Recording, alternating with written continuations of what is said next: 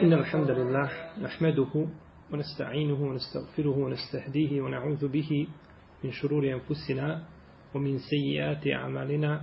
من يهده الله فهو المهتدي ومن يضلل فأولئك هم الخاسرون. وأشهد أن لا إله إلا الله وحده لا شريك له وأشهد أن محمدا عبده ونبيه ورسوله وصفيه من خلقه وخليله. أما بعد فإن أصدق الكلام كلام الله تعالى. وخير الهدي هدي محمد صلى الله عليه وسلم وشر الأمور محدثاتها وكل محدثة بدعة وكل بدعة ضلالة وكل ضلالة في النار ثم أما بعد نريد drugi hadis u poglavlju Fadlul džema'a u odlikama namaza u džematu gdje autor kaže a nebi Hurirete radijallahu anhu kale, kale Rasulullahi sallallahu alaihi wasallam صلاة الرجل في الجماعة تضاعف على صلاته في بيته وفي سوقه خمسا وعشرين ضعفا. وذلك أنه إذا توضأ فأحسن الوضوء ثم خرج إلى المسجد لا يخرجه إلا الصلاة. لم يخطو خطوة إلا رفعت له بها درجة وحط عنه بها خطيئة. وإذا صلى لم تزل الملائكة تصلي عليه. ما دام في مسلاه اللهم صل عليه اللهم ارحمه ولا يزال في صلاة من انتظر الصلاة Od Ebu Hureyre, radijallahu anhu, se prenosi da je Rasulullah, sallallahu alaihi wasallam, rekao namaz čovjeka u džematu u odnosu na namaz čovjeka u njegovoj kući ili na pijaci povećava se za 25 deređa. Razlog tome jeste, kaže poslanik Salosarme, je kada čovjek uzme abdest propisno, potom iziđe u džamiju, a ne izlazi nego radi namaza, neće učiniti ni jedan korak, a da mu uzvišeni Allah neće zbog toga koraka dići stepen i obrisati mu jedan grijeh. A kada klanja, meleki ga blagosti, blagosivaju dok je god na mjestu gdje je obavio namaz. Kažu, gospodaru naš, blagoslovi ga, gospodaru naš, oprosti mu, a on je u namazu sve dok iščekiva drugi namaz. Ovo je hadis Ebu Horeire, a prethodno smo imali hadis Ibn Omara, koji govori o nagradi u džematu, da čovjek koji klanja u džematu da ima 27 stepeni, pa smo to pomirivali, možda neki desetak načina pomirenja tih hadiza smo spomenuli. O Ebu Horeiri smo govorili u njegovoj biografiji. Ovdje kaže Salatur ređuli, namaz čovjeka, što obuhvata isto tako i žene. Namaz čovjeka, kada se kaže obuhvata isto tako i žene, jer kada dođu šerijatski propisi nema razlike između muškaraca i žena. I ovdje ima jedno pravilo koje je bitno da se zapamti. Svaki propis koji je došao u šerijatu, u kontekstu koji se odnosi na muškarce, isti taj propis automatski vrijedi i za žene, osim ako postoji šerijatski validan argument koji žene izdvaja iz tog propisa. To s jedne strane. A s druge strane, svaki propis koji je došao za žene u šerijatu, on ne vrijedi nego za žene, osim uz šerijatski propis koji ukazuje da se taj propis isti odnosi i na muškarce. Ste razumjeli? A da ponovimo.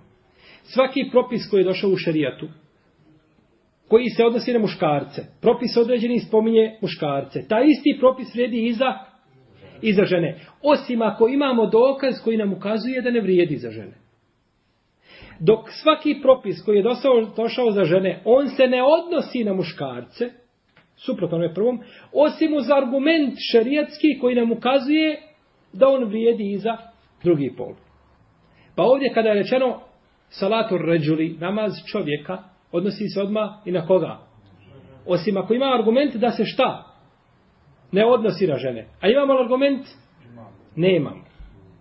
Nemamo argument da se hadis ovaj ne odnosi na žene. Imamo hadisa koji ukazuju da je nama žene bolje u njenoj kući, tako dalje, ali to ne ukazuje da je šta?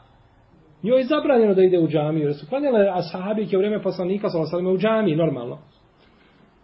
Jer je došlo u hadisu koga bilježi imam Ahmed i imam Ebu Davud i drugi sa dobrim lance prenosilaca da je poslanik sallallahu alejhi ve sellem rekao inna men nisa shaqaiqur rijal. Žene su rođene sestre muškarcima.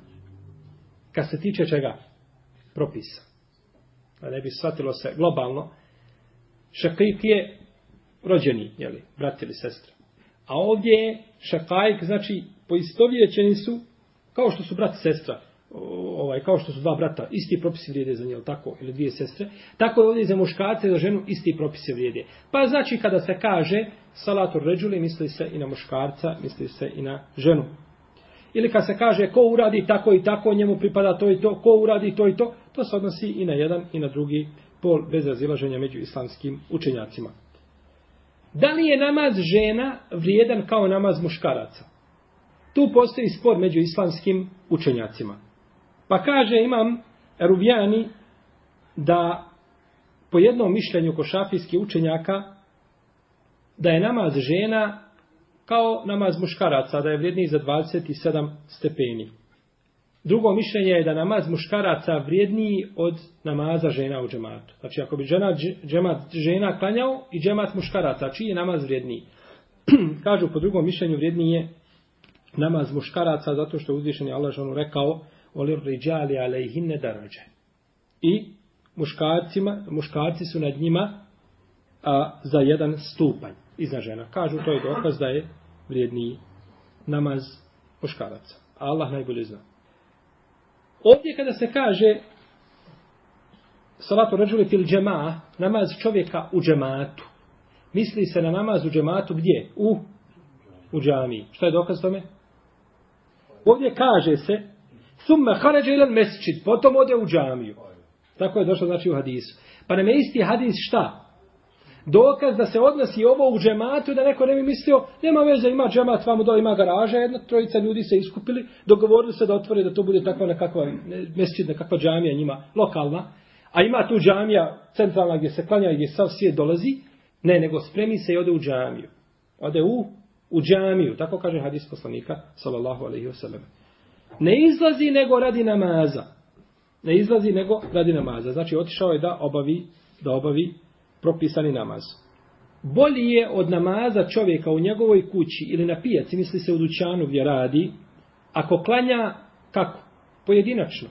Jer ako ti koji su u kući nema nigdje blizu džamije, pa klanja u džematu, onda ima šta? Nagradu džemata.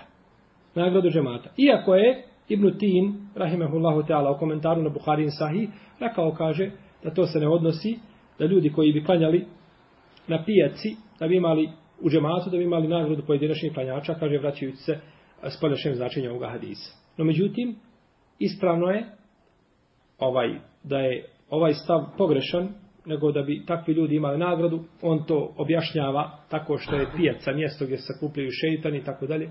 Jeste pijaca mjesto gdje se sakupljaju šeitani onome ko je pokoran šeitanima i ko se pokori njihovim jeli, ovaj, spletkama, a nije za čovjeka koji dođe po potrebi da uzme ono što treba uzeti. S tim što je razlika da čovjek koji bi klanjao svojoj kući nema kakvu nagradu. Nema nagradu odlaska, hodanja, Jer on se kaže, propisao sadisi, pa iziđe, ode u džamiju za svaki korak. Ti nemaš koraka, ti su u džamiji, ti su u svojoj kući, ili su u dućanu gdje klanjaš, vas trojica četvorca radite u dućanu, nigdje nema džamije, poručite ezan i kamet, klanjate, nema znači hodanja. S te strane bi namaz imao šta manju nagradu, ali ona nagrada koja je prvobitna, onih 25 ili 27 stepeni, ona, ona uvijek ostaje aktuelna.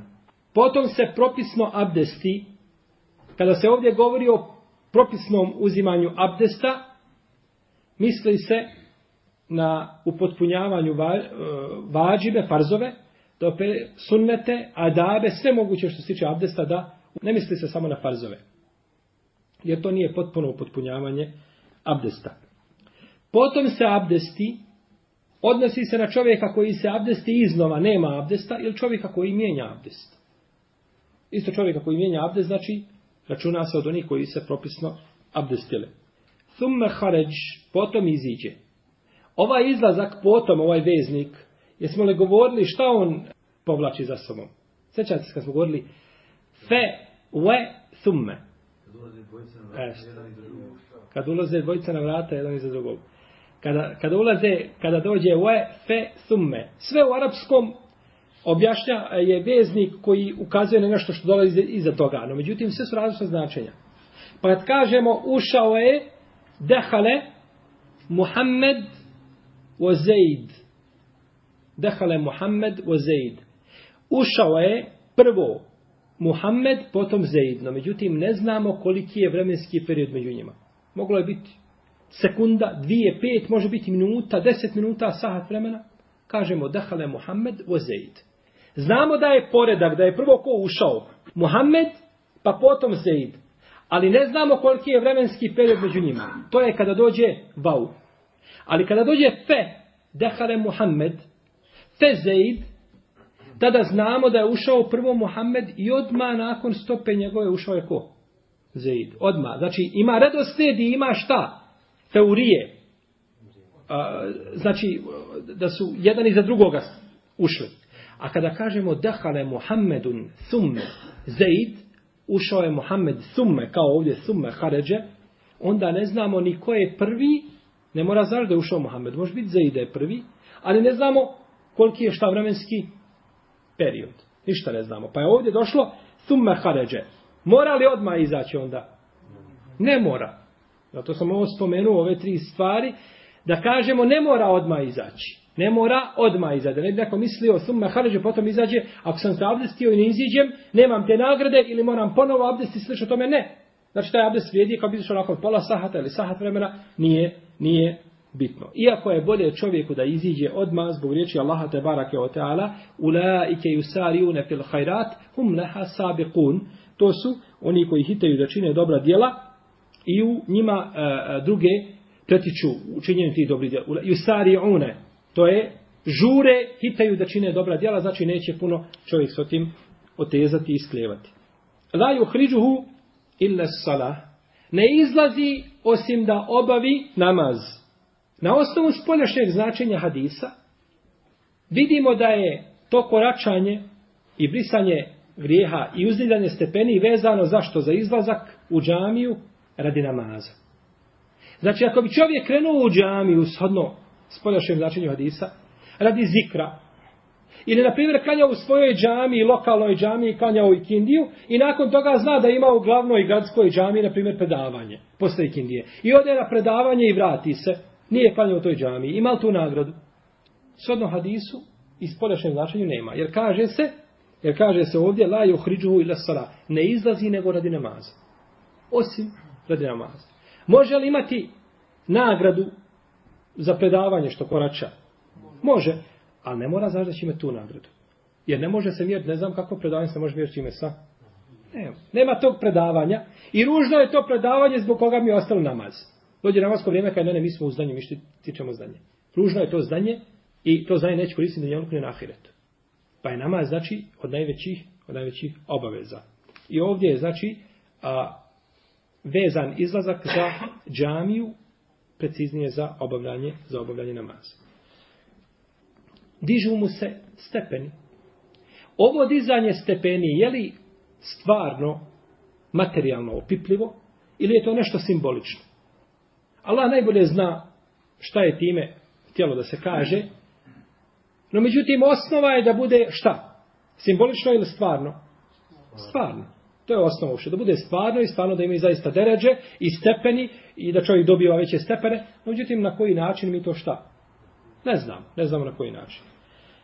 Brišu mu se grijesi, brisanje grijeha, je li to simbolično ili je stvarno? Stvarno se iz knjige gdje mu se piše loši grijesi, brišu u grijesi?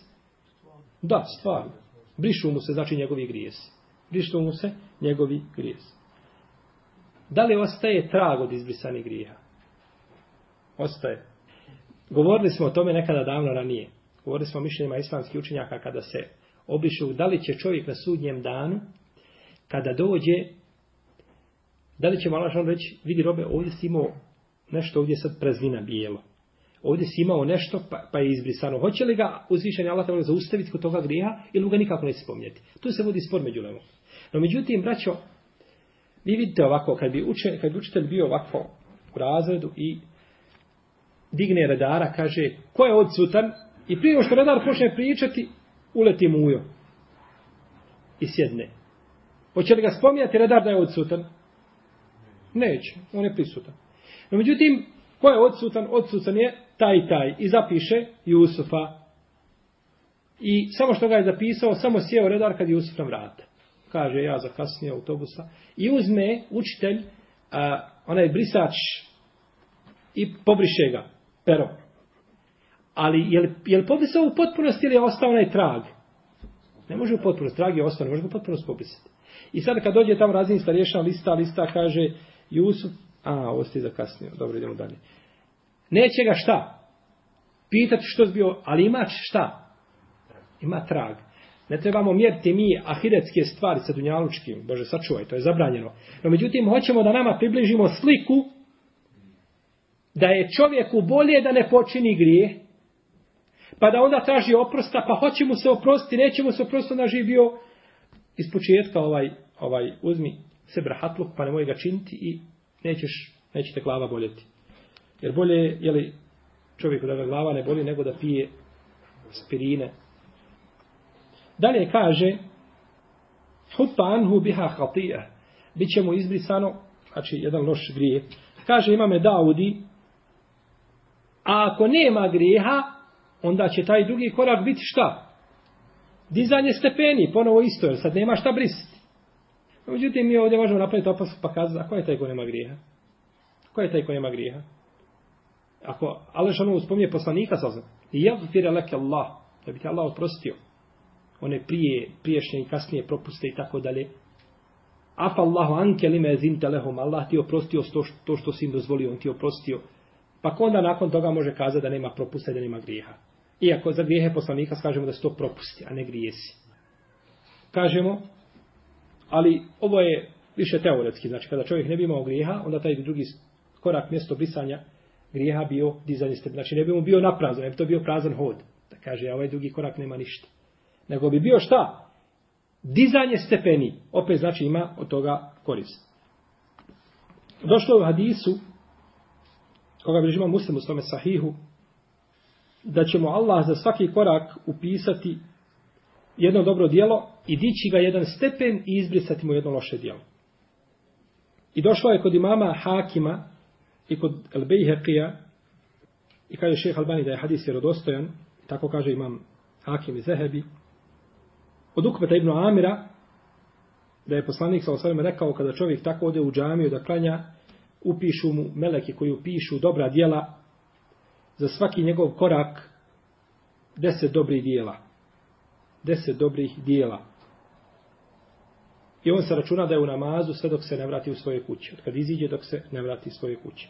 A u musnadu kod imama Ahmeda je došlo od hadisa Abdullah ibn Amra da je rekao klanjali smo sa poslanikom sallallahu alaihi wasallame akšav namaz pa su neki otišli kućama a neki su ostali da sjede pa je došao poslanik sa alaihi žurno skoro da su se otkrijevala njegova koljena koliko je žurno hodao pa kaže o muslimani radujte se Evo kaže vaš gospodar je otvorio jednu od nebeskih kapija hvali se i ponosi se s vama pred melekima. Kaže, ovo su moji robovi, kaže, obavili su jedan farz i sjede, čekaju drugi. I sjede, čekaju drugi farz. Kažu, Allahume salli alejhi. A gospodar naš, blagoslovi ga.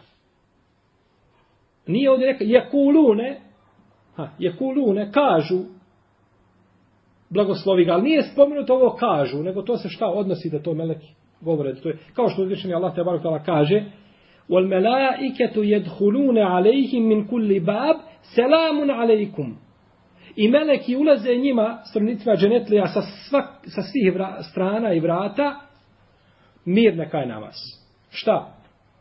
kažu mir neka je na vas šta mir neka je na vas? kažu meleki mir neka je na vas pa ponekad je brisanje a, te riječi ovaj a, jače u stilistici nego njeno spominjanje.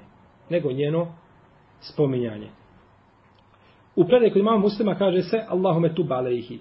Gospodar naš, oprostite obumu, jeli, primi. Ovi meleki koji blagoslove klanjače mogu biti al-hafaza, ljudi koji čuvaju, meleki koji čuvaju čovjeka. jer mi meleki koji posebno čuvaju čovjeka od zla, pa kada hoće uzvišenje Allah da se nešto desi čovjeku, onda meleki izostanu. Pa se onda desi ono što je uzvišenje Allah odredio. Mogu biti oni, a mogu biti neki drugi meleki. Allah najbolje zna koji se meleki ciljaju. Ma dame fi musalla, sve dok boravi u svojoj musalli. Dok boravi na svome mjestu gdje je klanjao. Pa je ovaj blagoslov koga čine meleki uslovljen da čovjek sjedi na mjestu gdje je obavio šta? Namaz. A u predaj kod muslima ma dame fi međlisihi alladhi salla fihi dok je u međlisu u kome je klanjao. A došlo je u muveti od Ebu Horeire da je poslanik sa osaleme rekao ko klanja pa sjede na mjestu gdje je klanjao meleki ga, meleki ga blagoslove kažu gospodar naš oprosti mu i smiluj mu se. Pa kaže ako ustane sa toga mjesta i sjede negdje u džamiji čeka namaz on je u namazu.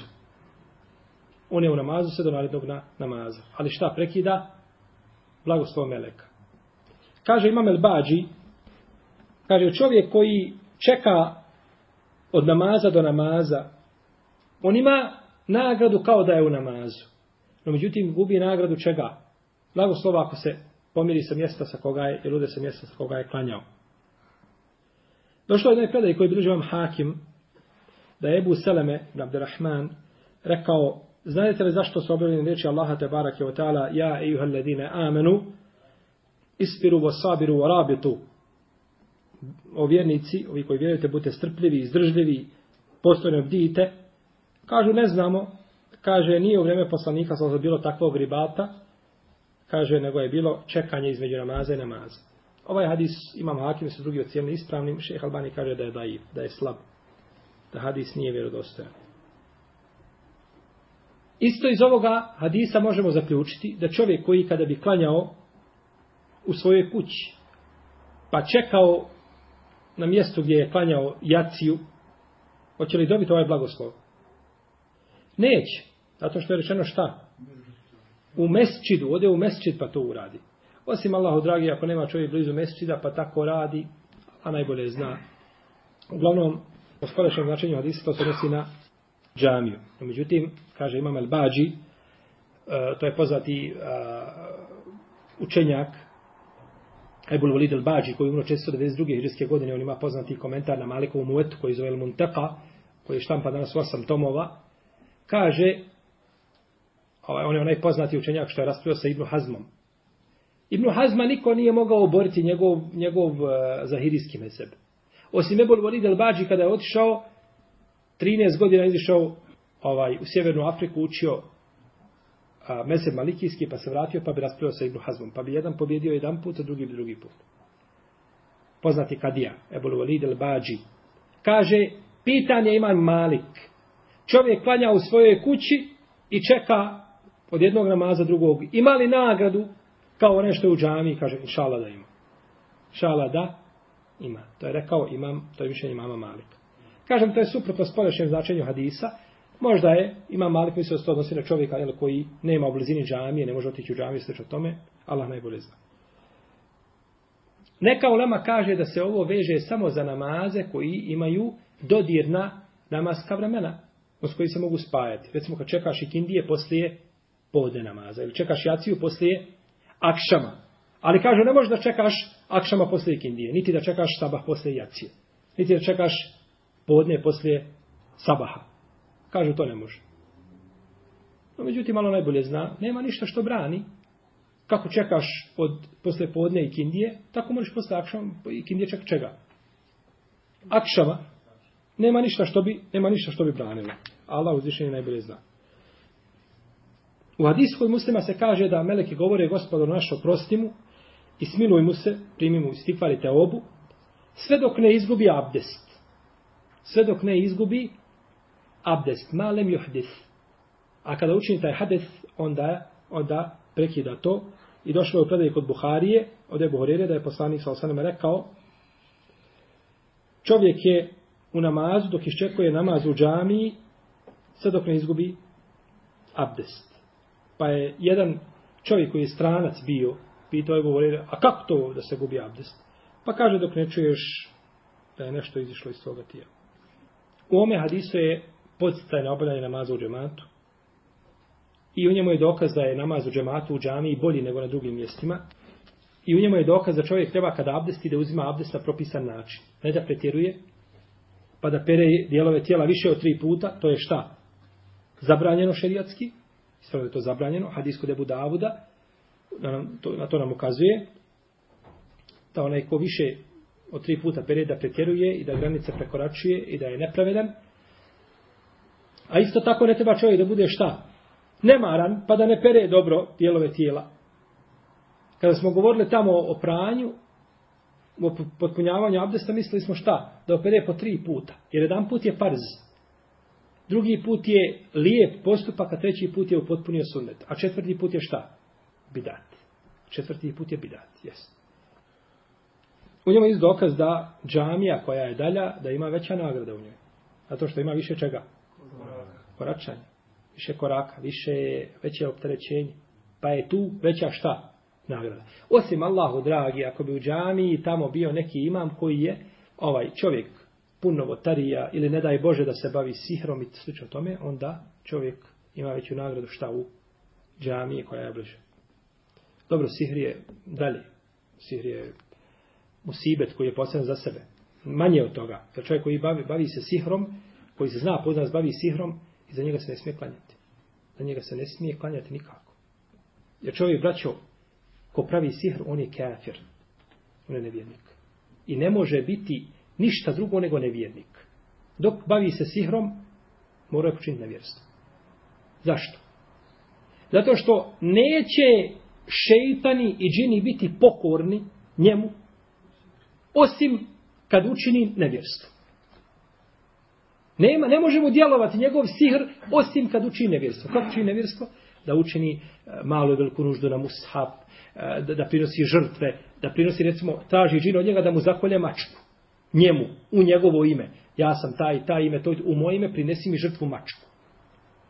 Pa čini mu sibe ta što mačku kolje, što ne smije u osnovi mačku jeli, što prinosi drugom imo Allahu i tako. Tako da bi njegov siher bilo djelotvoran, mora učiniti kufor. U protivnom će biti samo bez veze rad, neće nikome ništa nauditi. Da bi saznao nešto šta se dešava negdje tamo, mora učiniti kufr da bi ga ovaj obavijestio. I to je stav velikog dijela islamskih učenjaka, ovaj velikog dijela i po tome su pitanju ovaj od žešći su hanefijski učenjaci. Čovjek mora znači počiniti to dijelo tako da je sihr, ovaj sihr je posebna stvar. I kada sihr bazi braća pričaju koji se pokajali šta su radili, ima da ti se svaka dlaka na tijelu naježi. Šta su morali raditi? I šta su morali džinima činiti? I jedan od njih je pokajao se, bilo je, javno govorio čovjek, pokajao se i oni obećali da će, mu, da će, ga, da će na njega napasti. Da će, I kaže, dijete je predamnom, kaže, puhalo se, naduvalo se, dok nije puklo, eksplodiralo. Njegovo dijete, pred njegovim očima, nakon što se pokaju. Onda njega je zijete. Tako da čovjek koji uđe u to i počne se baviti sa tim, više ne može pobjeći od toga. Jer onda se boji za sebe. I onda biva kao čovjek koji pristane da radi tamo sa nekim službama kao džasus, maja, obaveštajac, nekakav nešto i kad nećeš, kaže, onda ćemo i tebe, kaže, otkriti, kazat ćemo ljudima ko si bio i onda mora čovjek. Isto je tako sa sahirom. Tako da je sihr jedan od najtežih grijeha koji može biti, koga čovjek može počiniti, da nas Allah sačuva toga zla. I bilo je, ljudi su izlazili, govorili javno šta su radili sa e, krvi od hajza, kako se mora pomoći, ajeti se moraju pisati sa krvi od hajza. I to je naopako, unazad ga moraš pisati. Ne, nema kufrijata kakvi se ne radi.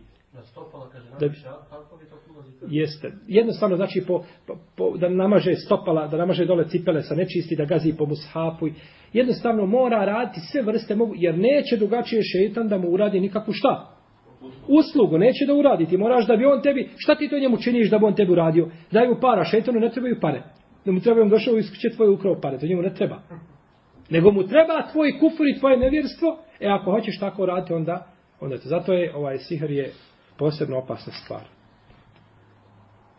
I u hadisu je dokaz da onaj ko učini nešto što je razlogom za namaz, naziva se klanjačem čovjek koji čini, a to je da hoda prema džami, naziva, broji se da je šta u namaz. Kao da je klanja. Dok si uzeo te razloge, ili sebe bedunjalučke, onda se brojiš da si od te, šta? Od te skupine. Kao onaj čovjek koji je krenuo da se pokaje, pa krenuo ono drugo selo tamo. Pa je na sred puta, onaj što ubio da izdaje to osoba, pa je na sred puta šta? Preselio. On je krenuo da se popravi, da ode među bolje ljude i uzeo za te uzroke. Ali nije, nije uspio da to sve odadi, pa mu je to računano i kaže se da je ovaj preselio negdje na sredini, pa da je da se posvađali meleki Azaba i meleki Rahmeta, pa da je uzvišen Alašanu približio njega za jedan pedalj toj zemlji koja je bila dobra, pa je priključio se tim ljudima zbog svoga šta? Nije taj svoje želje i svoga žara da se priključi tim, tim ljudima. Isto tako je dokaz da opraštanje tih grijeha znači biva kada čovjek krene u džamiju i kada korača prema džamiji i u njemu je dokaz da namaz u džematu nije uvjet za njegovu ispravnost. Kako? Ko zna? Vi ste izgleda meni za... Ja ću ponoviti pitanje. U hadisu je dokaz da namaz u džematu nije uvjet za njegovu ispravnost. Braćo moja, mi, mi govorimo ovdje fino, kažemo, namaz čovjeka u džematu je bolji od čovjeka koji klanja u svojoj kući pojedinačno. Pa znači klanja u svojoj kući kako? Pojedinačno. Je mu namaz ispravan? Jeste. To je dokaz, znači da namaz u džematu nije uvjet za njegovu ispravnost. Znači, uprotiv, ako bi ti bio blizu džamije i klanjaš svoje kuće, je namaz ispravan? Jeste ispravan, a griješan što se ostavio džemat po mišljenju uleme koji kažu da je namaz u džematu vađib. I kada bi rekli da, da, da nije, znači u svakom slučaju, tvoj namaz je ispravan. E to je znači dokaz da je ovaj uh, sami hadis, kontekst hadisa je dokaz da je da namaz u džematu nije uvijek za njegovu ispravnost. U njemu isto dokaz da čovjek koji iziđe u džamiju ne treba da izlazi i da uz to ima i nekakvi drugi nijeta. Idem ja u džamiju, klanjati, ali sam povezao pakete pozada u auto, pošto ispred džamije staviti pa prodavati, pa popola nijeti, ne vrijedi. Ako bi nijet za dunjalog bio veći namaz je, šta? I badet je? Neispravan. Nije manje nego neispravan. Ne može biti ništa e, da čovjek nijeti sa, sa ibadetom. Ako bi bilo popola, opet je šta? Neispravno. Ako bi bio nijet, on nije ti namaz, a nije ti isto tako i ovaj i prodaju. Ali je namaz jači mu nijet. Je onda ispravno? To je mogu dva, ali u ibadetima. Jeste, u džami, kad klanjaš podneske sunete i ti mesečid. A nekad prodaješ jabuke i šlive i dva rekiata te hijeta. To ne može se spajati. U svakom slučaju, jer čovjek ne može isto vrijeme ovaj, trgovati i, i klanjati. A ako bi bio jači nijet zašta za ibadet, to je kod neke uleme izazvalo ovaj iškal ili probleme. I to je razilaženje. Da li mu je to priznato ili nije priznato? Da li je imali razlike ako od početka samog nijet ili ako je u samom onome ušao šta nijet? Čovjek je došao, dovezao sve hoće, ali kad je u namazu stao i vidi da ima puno ljudi da ulazi i onda kaže, a bit će trgovine. Dosta ljudi u džami, moći se ovdje nešto prodati. Onda mu je ušao nijet šta, nakon čega? Nakon ulaska u Tu neka ulema pravi isto razliku, da postoji razlika između samog početka i nakon toga. U svakom slučaju, ispravno je braćo čovjeku da bude ovako. Da dođe radi namaza. A ono sve što dolazi mimo toga je šta? Usput. Ideš na hađ radi hađa. I ne razmišljaš ti nešto, kad dođeš dole, kad sve, e onda kad si završio ili usad, otići kada kupit ću, poneću robe sa svom da prodajem. To ne smeta i tad mu je Allah spojio dvije lijepe stvari. Spojio mu šta? ugodno sa lijepim, jel tako? No, međutim, da čovjek dođe, ide već u avionu i hrame obu kao leti preko mikata, ljudi viću nijetite, a pred njim sve vrste moguće i mirisa, i haljina, i džilbaba, i... Taj čovjek već pomiješao šta?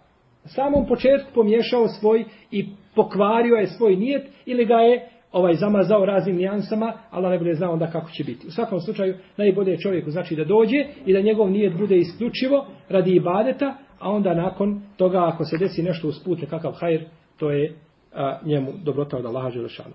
I na kraju ovaj a, imamo hadis iz sjećate hadisa poznatog da je namaz sa misvakom bolji od namaza bez misvaka za 70 puta. Sjeća se onoga hadisa. Koga bilježi Ibn Huzeimi, bilježe ga drugi. Govorili smo da po ome hadisu ima jedan od hadisa po kome su nam najviše razišla. Jedni kažu da je vjerodostan po Buharinjem muslimim kriterijima. Drugi kažu da je sahih, treći da je hasen, četiri da je daji, peti da je batil, da je lažan. Svi mogući mišljenja imam po pitanju hadisa. Ispravno da je hadis slab, a kada bi kazali da je hadis vjerodostojan, šta bi to značilo? Znači, značilo bi da je namaz sa mi svakom, e, da je mi svak, znači bolji od odlaska u džamiju u džemat. Što ne odgovara ni ciljevima šarijata, ni općim islamskim poimanjima i tako dalje. Tako da ispravno da je ovaj hadis daif, a uzvišeni Allah te barak je ta'ala najbolje zna. Nakon toga nam dolazi hadis Ebu Hureyre, o kome ćemo govoriti u našem narednom predavanju nakon jedne dvomjesečne pauze, inša Allah teala, moleći Allah te barak je teala da nas pouči našem dinu, popravi naša stanja, naša djela i da nam dadne da iskoristimo znači ovo vrijeme ispred nas odmora na maksimalno optimalan način se okoristimo pripremimo nešto za ahiret. Allahu Teala anam sallallahu ala nebina Muhammed.